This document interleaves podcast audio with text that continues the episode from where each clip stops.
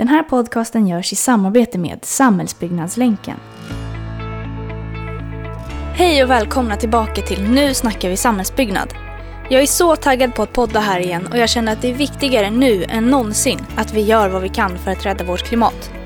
Som många av er kanske känner till är Agenda 2030 ett antal mål som FN satt upp. Utöver dessa mål undertecknades av 196 länder och EU samtidigt ett avtal om att hålla jordens medeltemperaturökning under 2 grader sedan den industriella revolutionen. Vi har alltså 10 år på oss att göra vad vi kan för att uppnå detta. Och om vi inte gör det står vi inför en klimatkris som kan vara svår att vända. Mitt mål med kommande avsnitt i podden är att genom intervjuer med inspirerande och kunniga gäster sprida kunskap och förståelse om hur vi i samhällsbyggnadsbranschen kan agera. Dagens gäst är docent i industriell ekologi på KTH och forskare på området marinbiologi. I linje med detta är han drivande i forskningsprojektet Seafarm, där makroalger ska odlas för att användas till en mängd olika ändamål i ett kretslopp där allt tas tillvara. Det här är ett galet intressant område som vi nu får chansen att lära oss mer om. Vi har helt rätt person med oss idag för att gå på djupet i miljöfrågan. Med tanke på den rådande situationen i samhället har jag och Fredrik inte haft möjligheten att ses fysiskt. Så jag ska därför ringa honom nu och ta det hela över Skype. Hallå? Tjena! Ja, hur eh, står det till? Jo tack, det är bra med mig. Hur är det själv? Det är bara bra trots eh, omständigheterna. Så, så. Men hur påverkas du av eh, corona då?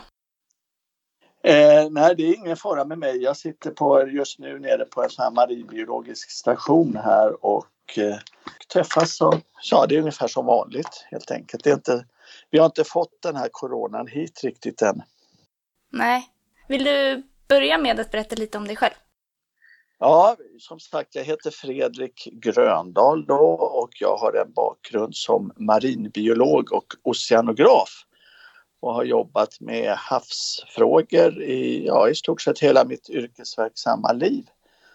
Så jag växte upp vid havet och blev väldigt intresserad av det marina livet och sen visste jag väldigt tidigt att jag ville jobba med marina frågor då. Och sen började jag jobba som dykare på en marin äh, havsforskningsstation som heter Kristineberg som ligger på svenska västkusten. Och därifrån så, så har jag fortsatt med den här marina banan då. Gud vad spännande. Eh, vad har du pluggat för någonting? Är det KTH eller? Nej, utan jag började läsa på universitetet så jag, jag, började faktiskt läsa ett ämne som heter oceanografi och det ges nere i Göteborg då. Det är egentligen kunskapen om havets fysiska förutsättningar, det vill säga strömmar, vågrörelse och sådana saker. Och när jag var klar med det så kompletterade jag detta med biologi och zoologi som sen blev specialiserad mot marinbiologi och också kemi då. Så det var min grundutbildning.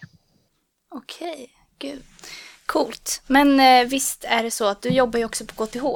Det stämmer, jag har jag gjort väldigt länge. Så efter jag hade disputerat och eh, varit på, eh, i USA och jobbat med grundforskning, marin grundforskning, så blev jag erbjuden då ett lektorat på KTH då där målsättningen var att undervisa blivande civilingenjörer i hållbarhet och miljö var det väl, ekologi och miljö på den tiden när jag började på 90-talet och sen har det blivit mera kring just hållbarhet då.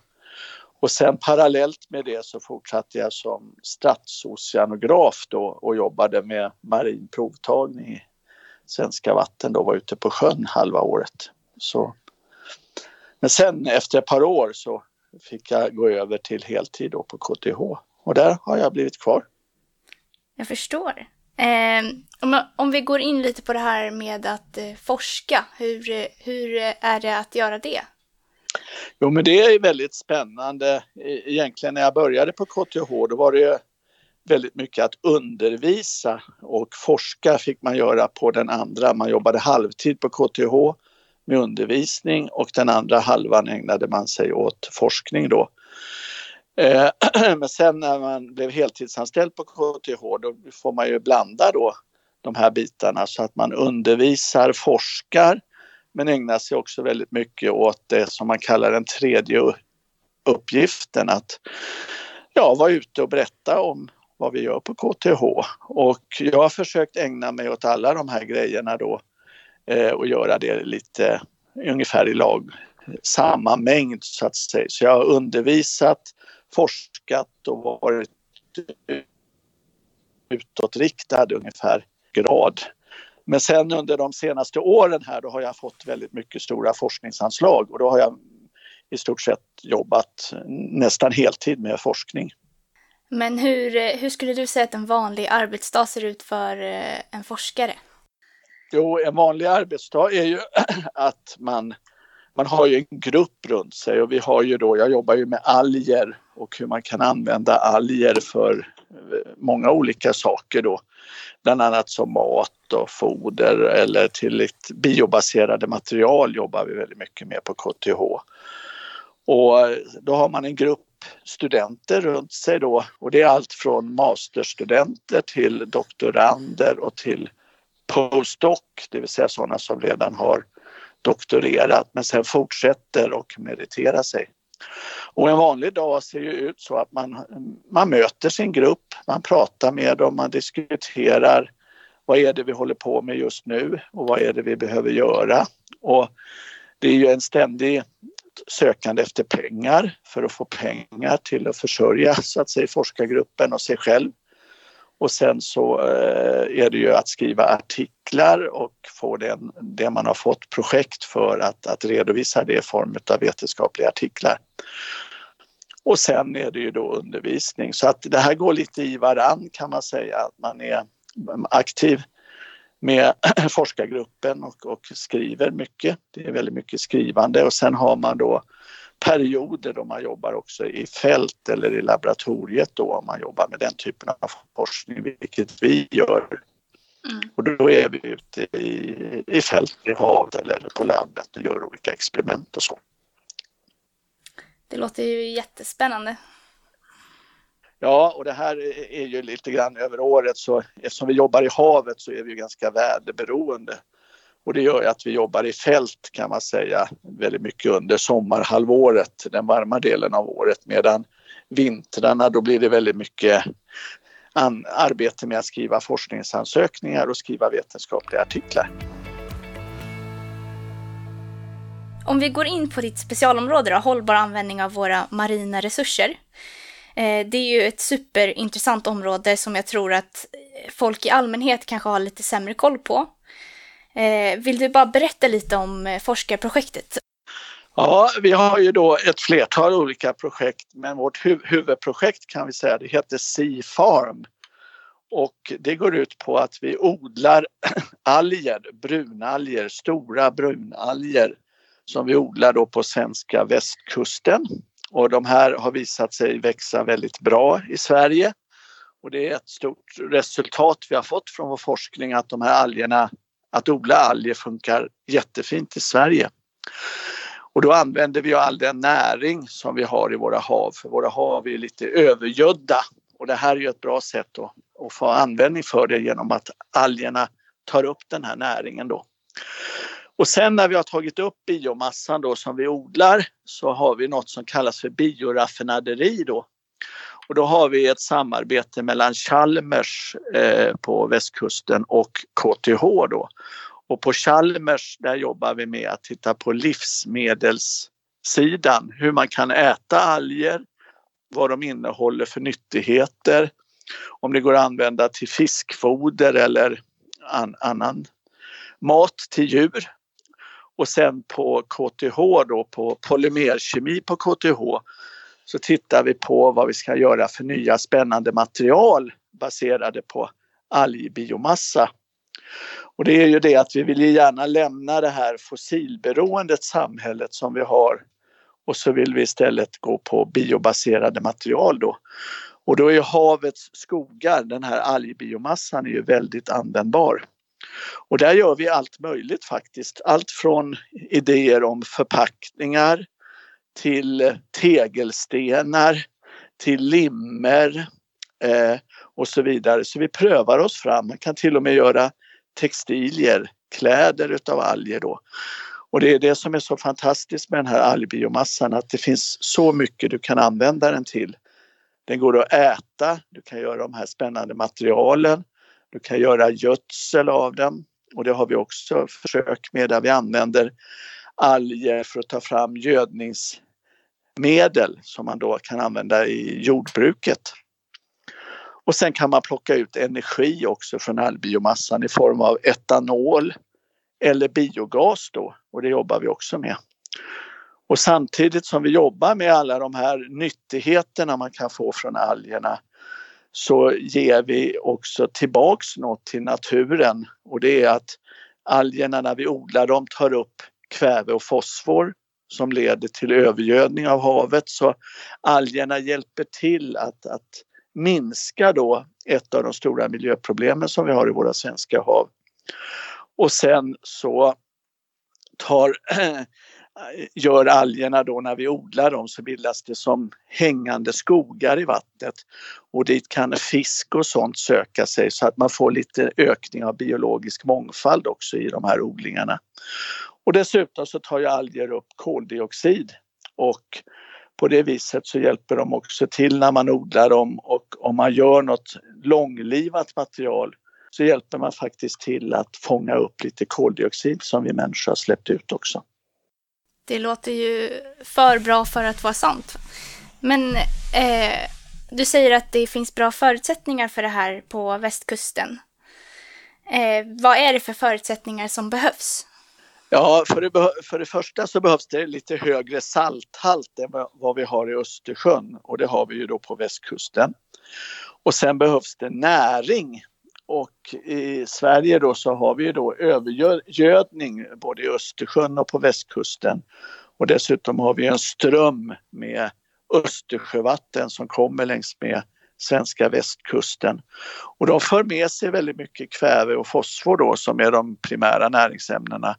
Och det här gillar de här algerna och de växer oerhört bra utan att man behöver tillföra någon gödning då i vattnet som man behöver göra på landbaserat jordbruk.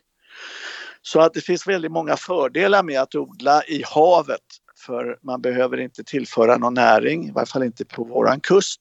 Och man behöver inte bevattna det, det är helt okänsligt med de här torra varma somrarna till exempel som vi hade för ett par år sedan. Så eh, det är klimatsmart kan man säga att odla alger i havet och dessutom finns det väldigt mycket utrymme i havet.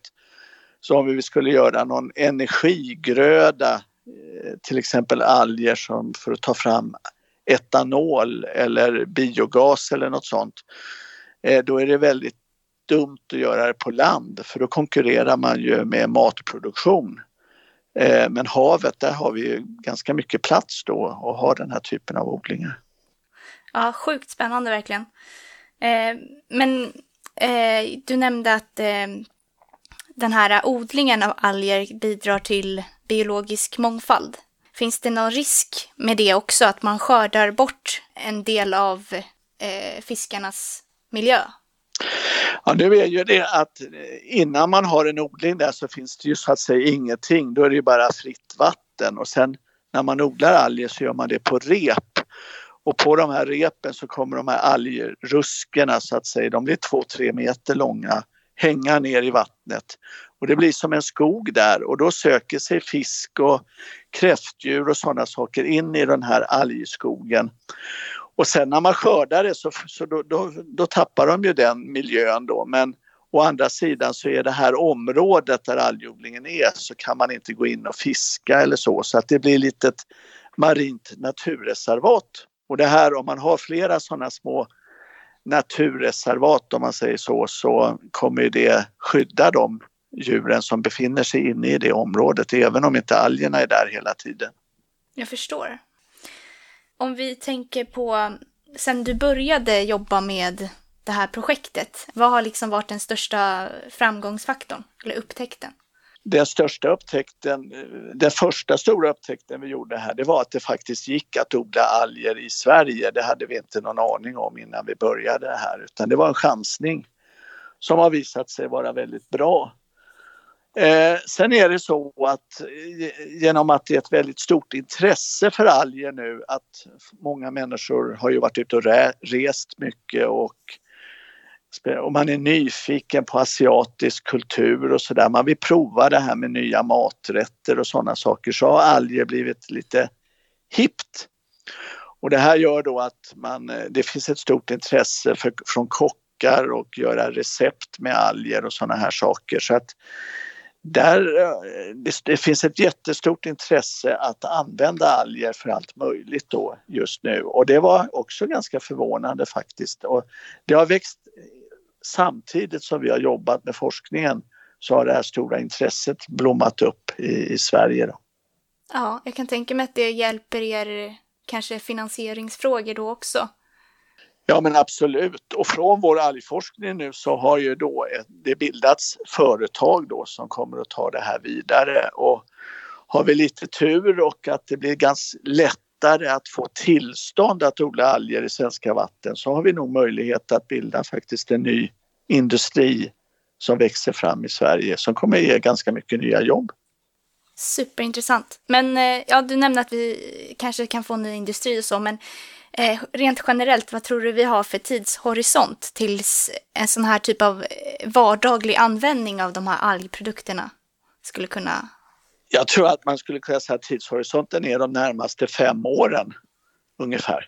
Det ligger i, man har börjat redan, det finns ett, ett antal nu algföretag i Sverige som eh, tar fram och säljer algprodukter i Sverige och den här marknaden är växande nu. Och det som är den stora flaskhalsen det är att man måste ha ett tillstånd för att odla alger. Och där behöver man se över den regelverket då så att det blir lättare. Och det hänger ihop med att när man skrev miljöbalken och den svenska miljölagstiftningen då var det ingen som visste om att man kunde odla alger i Sverige och då kommer inte algodling med. Och därför måste man ändra vissa saker i lagen för att det här ska underlättas då. Men det håller vi på med just nu. Och det finns en utredning då eh, på regeringsnivå då där en arbetsgrupp där jag sitter med också där man tittar på en sån här regelförenkling då för vattenbruk och alger. Så att det kommer att komma och när det väl är klart då tror jag det kommer bli ganska många nya företag inom den här branschen. Wow, ja, jättekul att höra. Men jag, jag, tänker också mycket på det här med tvågradersmålet. Att eh, vi inte ska släppa ut för mycket fossila bränslen så att vi håller nere medeltemperaturökningen. Eh, och det finns ju enligt FN massa olika utfall av vad som skulle hända beroende på hur vi agerar. Vad tänker du skulle hända med jorden om vi fortsatte leva som vi gör idag? Ja, alltså det kommer ju inte att gå. Eh, om vi om vi vill ha en hållbar värld och kunna leva liksom så många människor som vi är på den här jorden då behöver vi eh, helt enkelt eh, titta, vi måste utnyttja haven. Alltså ska vi få en hållbar värld och mätta alla de människor som finns på jorden och samtidigt ha lite ekonomisk tillväxt och så, så behöver vi börja titta på att föra ut produktionssystem i havet. Det kan vara att odla fisk odla alger, odla musslor men det kan också vara att vi sätter vindkraftsparker till havs, använder vågkraft, kanske har mer transporter till havs och så vidare. Men om vi nu börjar exploatera våra kuster då som är eh, mer och mer, då måste vi göra det på ett hållbart vis och därför är just hållbarhetsforskning som vi nu gör väldigt mycket på KTH då och speciellt på den institutionen jag jobbar då, hållbar utveckling, miljövetenskap och teknik. Där är ju våran eh, huvudsakliga sysselsättning att ta fram metoder som mäter hållbarhet. Vad är hållbart och vad är ohållbart? Och där har vi en väldigt viktig funktion att fylla då speciellt kopplat till den här havsforskningen att se att vi gör rätt när vi nu börjar nyttja haven mer på effektivt. Många unga idag känner ju klimatångest. Är det någonting du känner? Inte jag personligen känner inte klimatångest. Jag, är, jag har hållit på ganska länge med att undervisa om miljö på KTH ända sedan 1991 faktiskt. Och vi har ju pratat om i princip samma saker som vi pratar om idag. Det gjorde vi redan på 90-talet. Och det är självklart så att det är, det är stora problem som vi ser med smältande glaciärer på, i Arktis och stora förändringar i ekosystem och så. Men naturen har en förunderlig förmåga att kunna återhämta sig om vi bara börjar sätta in åtgärder. Och jag är ganska optimistisk för oss människor i alla fall att när det väl kniper så kan vi göra väldigt mycket. Och det kan man ju bara ta nu det här exemplet med det här viruset som har spritt sig i hela samhället här.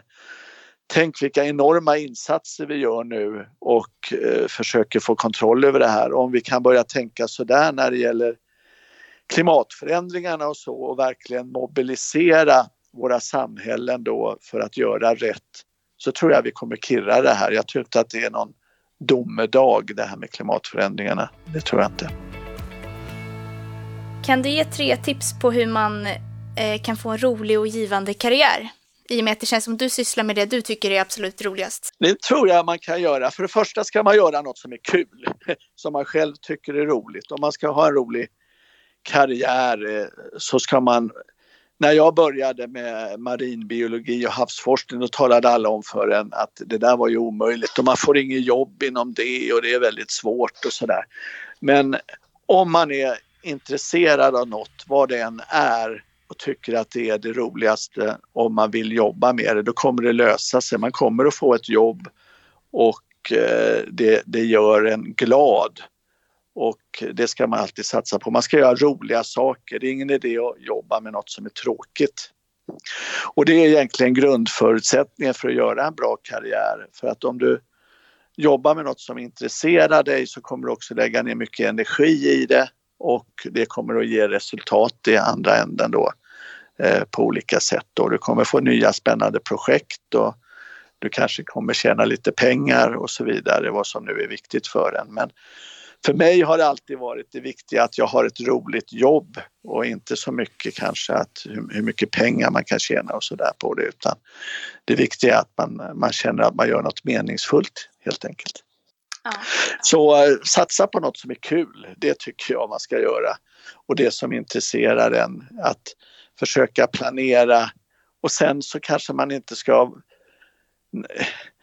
Livet är inte så lätt att planera utan man får ta saker lite som det kommer. Man ska, det är svårt med karriärplanering och sådana där saker. Jag har jobbat som mentor åt studenter på KTH och så. De tror att man kan kontrollera livet men, men livet är inte så lätt att kontrollera utan det händer hela tiden saker och förändringar. Ta ja, viruset igen här, tänk så helt har ändrat förutsättningarna för jättemycket och sådana där saker kan ju hända också på det personliga planet och sådär. Så att ta, ta inte för allvarligt på det här arbetslivet utan gör något som är kul Eh, och, ägna, och försök göra roliga saker och omge och så att man omger sig med entusiastiska och glada människor för det, det ger energi medan det här det ger positiv energi så att det är väldigt viktigt att träffa bra personer och få kontakt med bra människor som kan, man kan diskutera med och som stöttar en och, och hjälper en.